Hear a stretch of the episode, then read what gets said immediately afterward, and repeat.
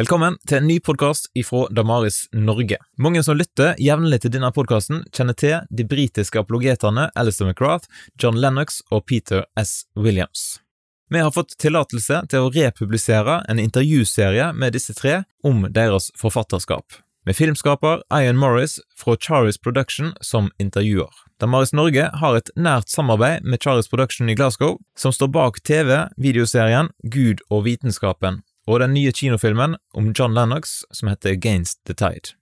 Først ut i serien er Oxford-professor og forfatter Alister McGrath. Her er One Man and His Books with Alister McGrath. God fornøyelse.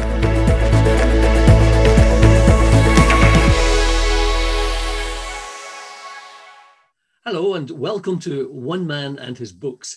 I'm Ian Morris for Grasping the Nettle. Now, today we have a very special guest.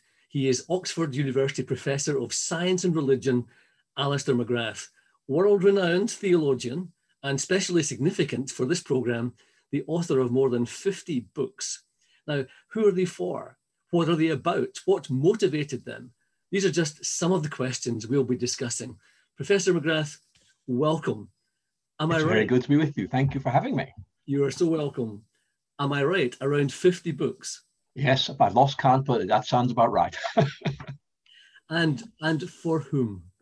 Well, I write for two main audiences. One is for academics like myself, but I also write for what we might call a broader audience, intelligent thinking people, Christians, or indeed in the wider culture who, who want to think about the big questions of life. I love doing that. So it's great to be able to engage them. So how do you identify subject matter? Broadly, we know you, you're a professor of science and religion, but 50 books within that whole area. How do you differentiate between one subject, one subcategory, and another? I think very often publishers come to me and say, Alister, we need a book on this. Will you write it? And I say, that sounds great. It's interesting. So very often I write books because there's clearly interest in this field. Then there are books that really interest me because they're great topics, like, for example, C.S. Lewis, who I really love. So basically, I write about the things I think are really interesting or important for an academic audience or for a wider audience. There, there are many people who would just love to write books, but may not have the skills. What do you think are the, the, the skills involved in writing a successful book, one that people want to read? I think it may help. I'm Irish. I kind of have a certain verbal fluidity, and that may that may be part of the picture. But actually, I just love writing. I love communicating, and I love reading. So there's a sense in which I'm always looking for ideas I can express and people I can engage. So for me, writing is a, is a joy rather than a burden, and that probably is part of the the story here. Which of your many books have brought you the greatest um, satisfaction? I think the book that's brought me greatest satisfaction is my theology textbook, because I was a scientist who became a theologian, and I found it very, very difficult to do that. So I thought one day I'll write a book which will help others to do that. And the book's been hugely successful. It's called Christian Theology and Introduction. It's a very boring title, but it does what it says on the cover. And that is because I knew how difficult it is for someone to pick this up. I had to learn the hard way. This book makes it easier for others. So I make television programs, um, and sometimes a long time afterwards, I, I have a reason to view them. And I always do so with some apprehension because I'm not quite sure what I will think of them um, sometime later. Do you ever do that with a book? I mean, have you ever written a book that you would like to recall because now you've changed your mind about something? Well, yes. I mean, we, we always change our minds. We, we discover it's more complicated than we thought, or there's more to be said, or indeed scholarship moves on. So I, I often rewrite books, new editions, and that's very, very common. But in many ways, I'm growing in my faith, uh, I'm deepening my understanding, and very often I find it's not so much I'm saying I was wrong back in 1985, it's that I've grown since then. I can see it's more complex. I've got better answers to those questions, which don't contradict what I said originally, but rather enrich it and amplify it. Well, thank you. Let's get into some of the, the, the detail about, about some of those, um, those books. Now, you're a professor of science and religion, and, and one of the topics that you've addressed is, is the challenge of new atheism and modern skepticism in general. And I think it's wonderful that you don't just preach to the choir, you don't just write for those who are, are, are Christians and, and make them feel good. you know, you face up to the, the challenges that come to us from, from modern culture. The new atheism took everyone by surprise. And I think one of the reasons it took us by surprise is its tone. It's not there are some problems with Christian belief. It is Christians are fools, they're idiots, you know, that they are mad or bad or sad or possibly all three. In other words, it's not so much attacking Christian ideas, it's really attacking Christians as people. And I think Christians find that very difficult to respond to. The ideas of the new atheism are not new, they're all recycled. What is new is the aggressiveness and the focus on headlines rather than serious arguments. So I find that quite difficult to engage with, but it had to be engaged because otherwise, if nobody writes a response, people assume there is no response to be given. Now, for people who may not have encountered your particular rebuttal of, of uh, new atheism, what, what are the books that you used to respond to new atheism? I guess the main book people have in mind is a book called The Dawkins Delusion with a question mark at the end because I'm raising a question. And in that book, which is a response to the God delusion, I simply say, look, these the arguments here don't stack up. They are recycled, they misrepresent.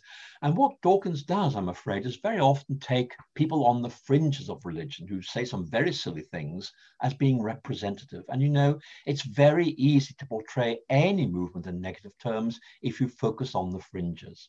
And so one of my real concerns was this, this failure to take mainline Christian thinking seriously. And that I think remains a concern. These rather silly things to which you refer can you give us any examples? I'm sure people watching this are eager to know what silly things are. Well, I, I, mustn't mention any names, but in, in his um, TV documentary, The Root of All Evil, Dawkins managed to find some very weird people and, in effect, get them to say some very weird things. And then the conclusion that's what religion is like. And I think it, you know, it's it's a very easy tactic. You focus on the mavericks, portray them as being normal, and that means the whole thing can be dismissed immediately. And one of my main concerns about the new atheism is it portrays those who are on the fringes, those who are extremists, as if they are normal.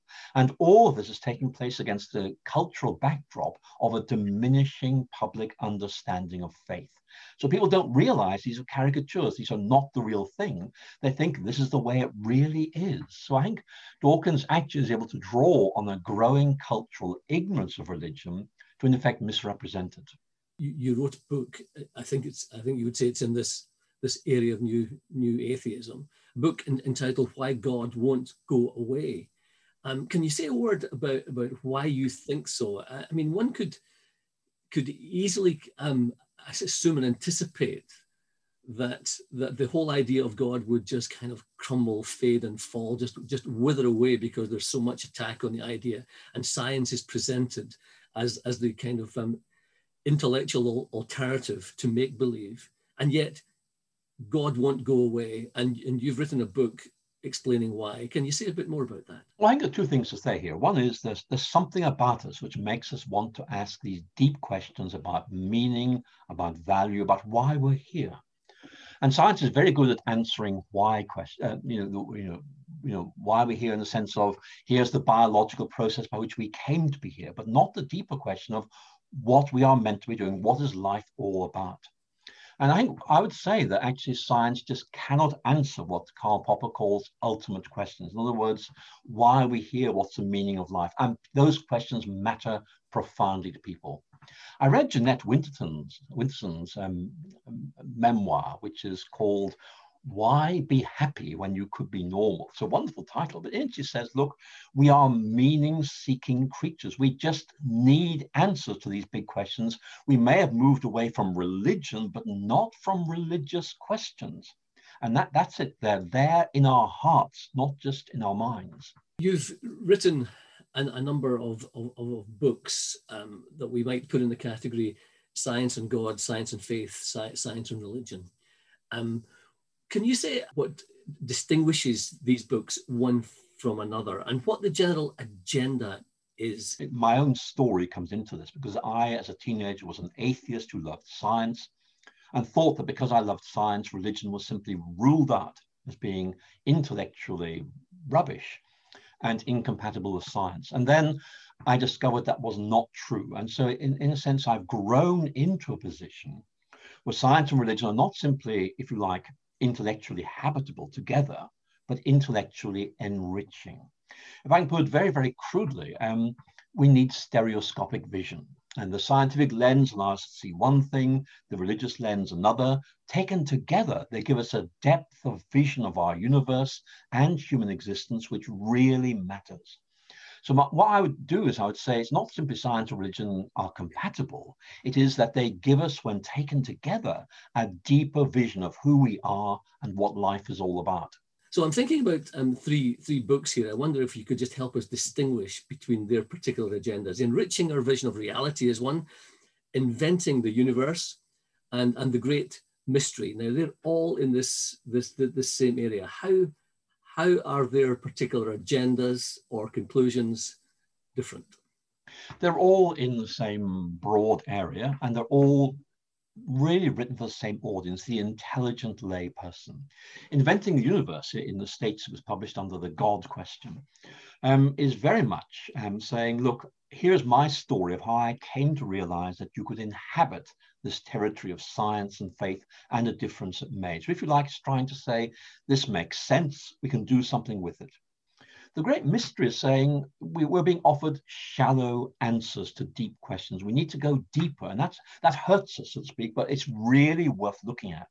So it's looking at the need for a complex account of our world and how science and faith taken together give us this richer but more complicated understanding of what things are all about. Then enriching our vision of reality is perhaps written more for theologians, but still for a wider audience as well, saying, look, here is how knowing about science enables you to become a better theologian. There are parallel conversations going on all over the place. These are all really helpful. So if you like, is the three books exploring different angles of pretty much the same question. How can we meaningfully inhabit this area of science and faith? And then there's another area, specifically that of Darwinism or evol evolution uh, and, and, Christian faith, about which you write. I'm thinking particularly about your book, Darwinism and, and the Divine. And this is a very difficult area for some Christians. Just the other day, I had an email saying, surely grasping the nettle, uh, embracing Christian faith, can it possibly also embrace uh, the, the, theory of evolution and Darwinism? Tell me I'm wrong. Surely you don't embrace these things. And yet Alister, you do. Um, how can you put these things together? And, and, and what is Darwinism and the divine saying to us? Darwinism and the Divine is a rather academic book. It was a series of lectures at Cambridge University. And what I was doing is looking at some of the historical questions which underlie this whole conversation between um, Christian theologians and evolutionary biologists. And one of the points I'm making is that there are different ways of understanding Christian theology. There are different ways of understanding um, evolutionary theory. Now, one of those ways of understanding evolutionary theory is Richard Dawkins. We're in effect saying that Darwinism is necessarily atheistic. That in effect, it's purposeless, and therefore you cannot in any way reconcile this with um, Christian faith.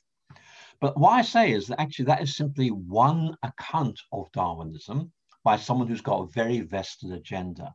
And there are other ways of reading it. For example, science cannot talk about purpose because it's not empirically discernible. You can talk about the process without actually committing yourself to a metaphysic or a philosophy. And so what I simply do is to make the point that while you may not be able to reconcile these at every point, they don't actually sting each other, to use this metaphor of grasping the nettle. And therefore, a, a critical conversation really is important and certainly is possible.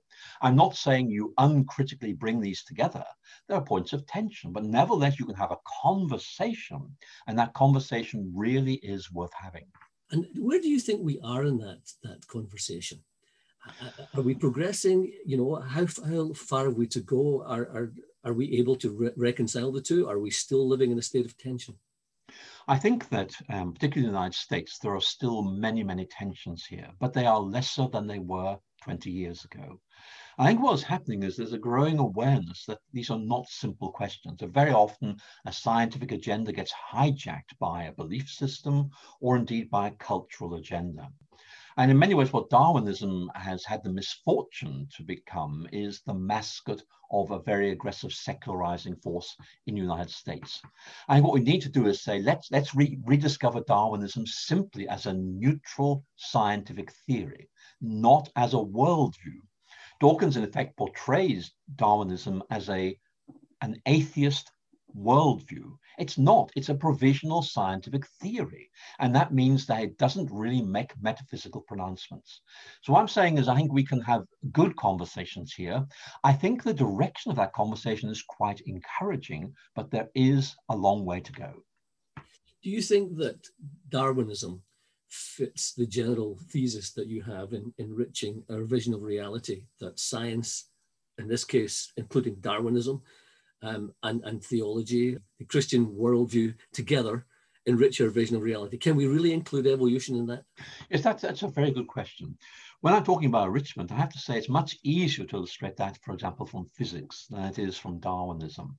But I think my point is that science is complex, that it's a whole range of disciplines. And I would certainly say that some scientific disciplines rather than others do seem to fit into this rather more easily.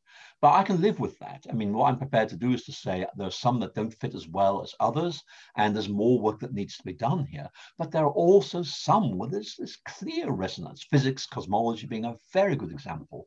And that to me says this is a really important conversation to keep going. There are some people who just feel a sense of relief that, that somehow science and religion uh, can be uh, com- compatible. But is there, is there also a sense in which um, our understanding of science can play a role in Christian apologetics. In other words, science can be part of the argument that Christians want to make for that transcendent uh, reality. I think that's right. And here, if we do a bit of history, supposing you and I were having this conversation, let's say 100 years ago, um, the scientific consensus at the time was that the universe had always been here, and therefore religious language of creation was meaningless. Now, we're in a very different place today because science has changed its mind. I think we have to bear in mind that science is not static, it is progressing, it's a journey. And as it moves ahead, it changes its mind. So we need to be aware of that because very often people freeze science as if somehow it has now answered all of our questions and give us those answers. These are simply on the road. They're reports from where we are at the moment. So what I would say is that um, science, in effect, is, is a way of looking at our world which uncovers deep patterns. And the more you study science, the more you end up asking these ultimate questions. Why is it like this? Why is the universe seemingly fine tuned for life? We observe that. We don't know why. And so I think that there's a very what you find is actually scientists end up asking theological questions.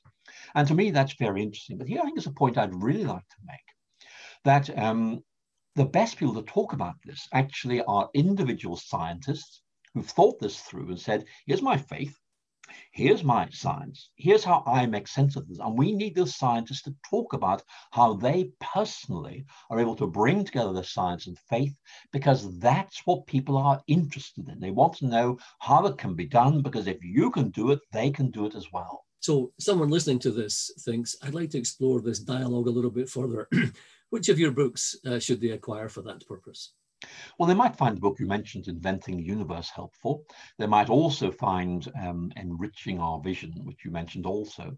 But I mean, I think I'd want to say there are many other writers who've touched on these themes very, very well, like, for example, John Lennox or John Polkinghorne, and they, they need to be read as well. But the key takeaway message simply is this can be done.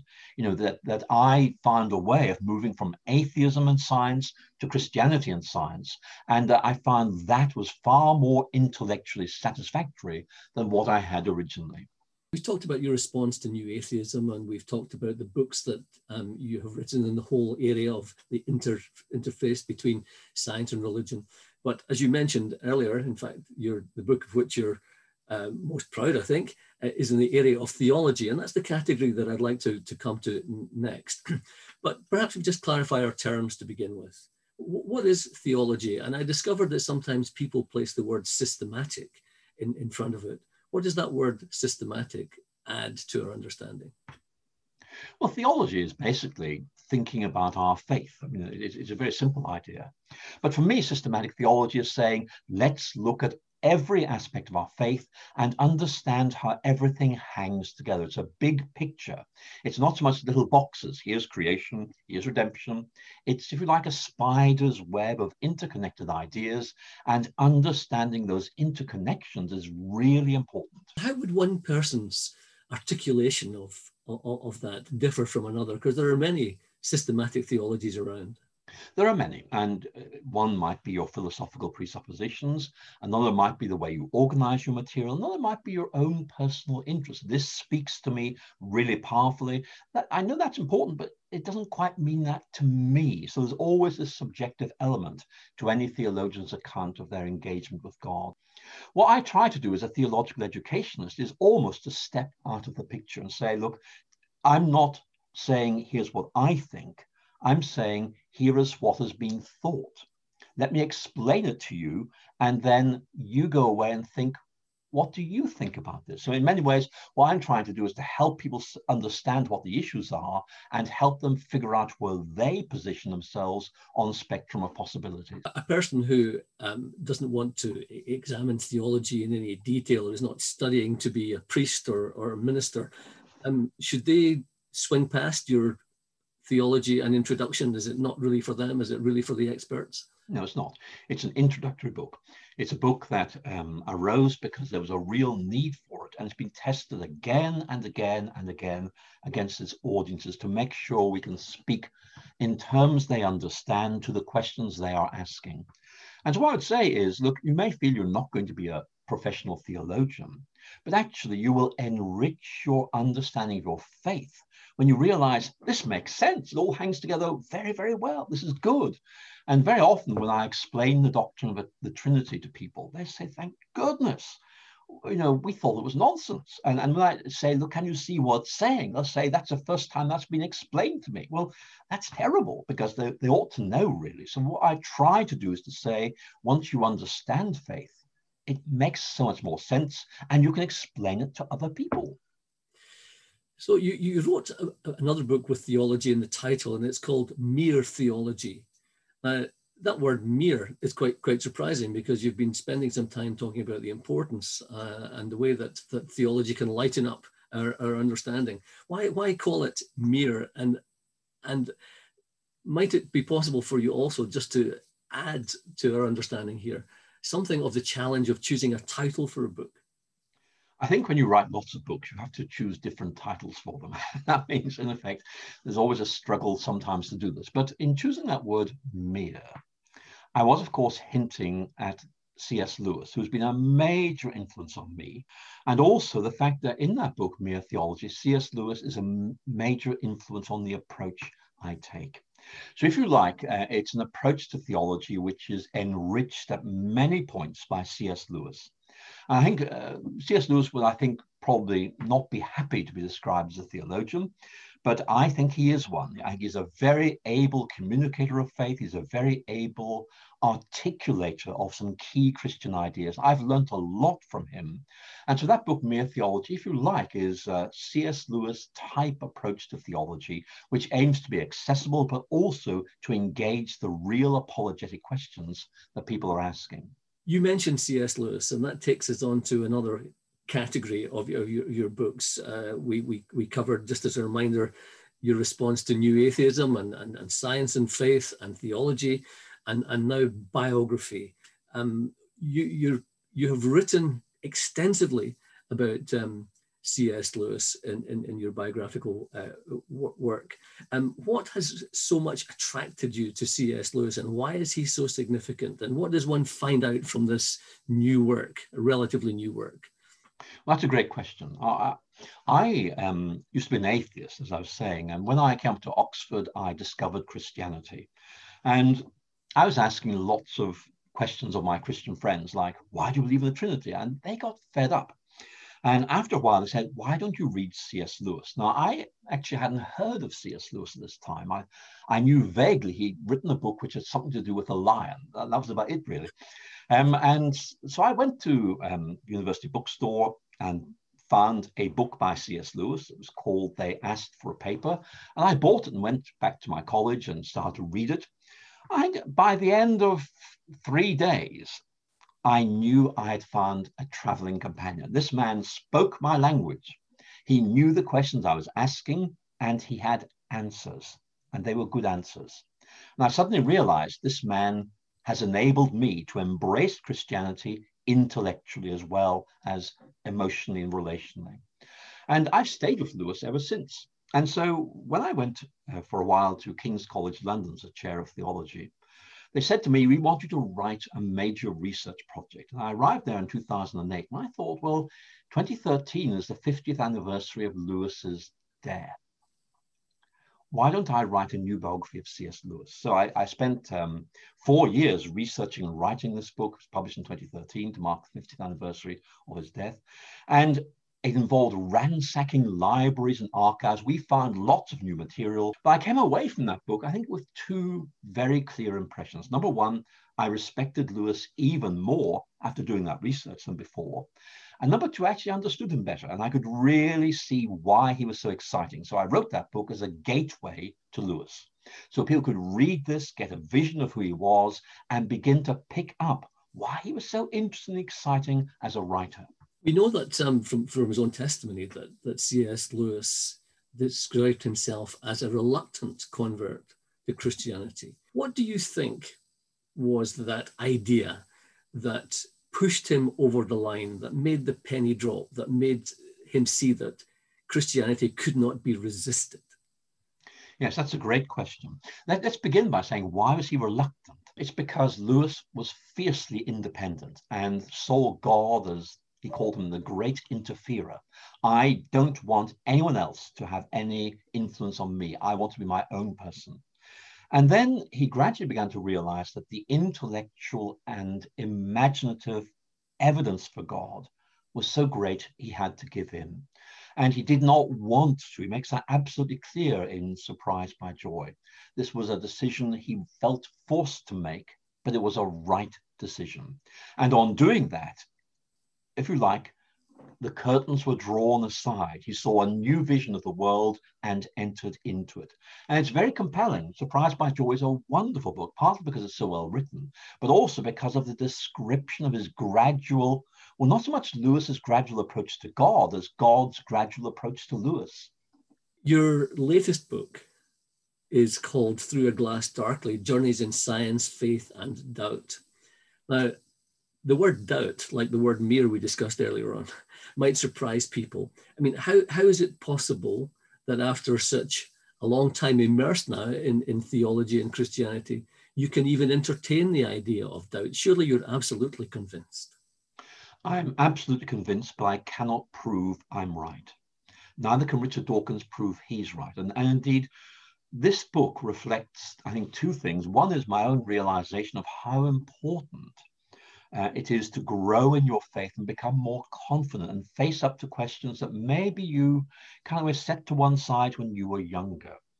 And I think one of the things that always bothered me about my faith is that it, it, was, it was wonderful. It gave me a new sense of purpose. It illuminated reality, uh, made so much sense of things, but I knew I couldn't prove it was right then realizing that actually neither could Richard Dawkins. You know, in effect, he, he uses criteria to judge other people he does not apply to himself. So what I'm simply saying is we have to learn as human beings, whether we're atheists or Christians, to live with this, this paradox that we may know in our hearts this is right, but not be able to prove it but not to worry about that too much. And if you like, what I'm saying is you can leave, live meaningfully, not being able to prove your core beliefs absolutely. And that's something that it took, took me a lifetime to learn. And so I think readers may be surprised by that. When you think about it, when I was an atheist myself, as I look back, I used to think I was right. Now I simply believe that I believed there was no God. Atheism is a belief. I believe there is no God because I know I can't prove there is no God. So actually, atheists have doubts. I mean, I, I became a doubting atheist who then became a Christian. And that's a key point for Christians, I think, to reflect on. That very often they assume they're the ones with the doubts. No. Anyone who believes anything should have doubts because they know they can't prove these to be right. Earlier, we were asking the question um, Did new atheism make any positive contribution to our thinking about, about Christianity? Could one ask the same question about doubt? Can doubt actually have a positive impact and take us to places we might never have arrived had the doubt not us, motivated us to travel? I think that's right. And again, I speak for myself. I don't want to impose my views on anyone. What I have found as an apologist is this. Someone asks me a question about my faith. I find I don't know the answer. Now, that could immediately trigger off doubt, or it could trigger off this response. There must be an answer to this. I'm going to find it. I'm going to apply it then I'm going to talk about it to other people. That's what I've done. I'm an apologist because I realized people were asking questions. They were good questions. I needed to know the answer. I needed, in effect, to be able to communicate those answers, A, to my doubting friends, but also to Christians who, in effect, were being asked similar questions but had not yet found their way to those answers. So that's why I think doubt is sometimes a symptom of an immature faith. Is that where you've you've arrived? You don't really entertain the idea that you could be wrong about all this. I try to keep all these questions open, but basically, um, after all these years, you know, 50 years and nearly being Christian, um, I, I, feel very settled and very comfortable and very confident in my faith. But that's because I've thought through all the questions and know I am happy with the answers. And as I was saying, the new atheism, I mean, the title suggests here are new challenges. No, they're recycled. Um, and that's the key thing. There's a sense in which we've looked at all these questions. We're looking at how we can, in effect, live meaningfully. And I think we can do this. I certainly uh, would testify this has worked for me and works for me now, 50 years after I discovered the Christian faith. In conclusion, um, if you were to recommend up to three books, which would take the reader to the essential and most mature thinking of Professor Alister McGrath, what books would they be? Well, that's a very kind uh, question. I think I would want to say that my biography of C.S. Lewis is worth reading.